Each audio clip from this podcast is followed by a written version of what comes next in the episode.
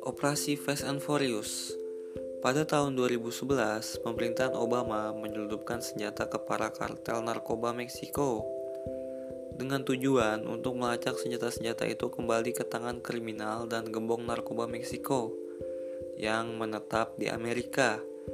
Peristiwa itu kemudian dikenal dengan Operasi Fast and Furious. Tak lama kemudian, di tahun yang sama, membuktikan bahwa agen biro alkohol, tembakau, senjata api, dan bahan peledak tengah mendiskusikan bagaimana agar senjata-senjata itu dapat diserahkan kepada para gembong narkoba Meksiko di Amerika.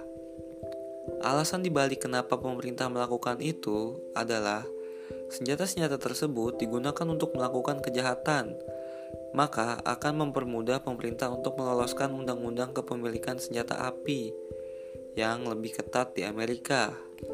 Beberapa tahun belakangan ini, pemerintah Amerika menghadapi persoalan kepemilikan senjata api yang disalahgunakan. Di antaranya karena maraknya penembakan massal yang banyak menimbulkan korban tewas. Namun, tak mudah buat pemerintah melakukan perubahan undang-undangnya. Gimana menurut lo? Sekian dari gue. Ciao.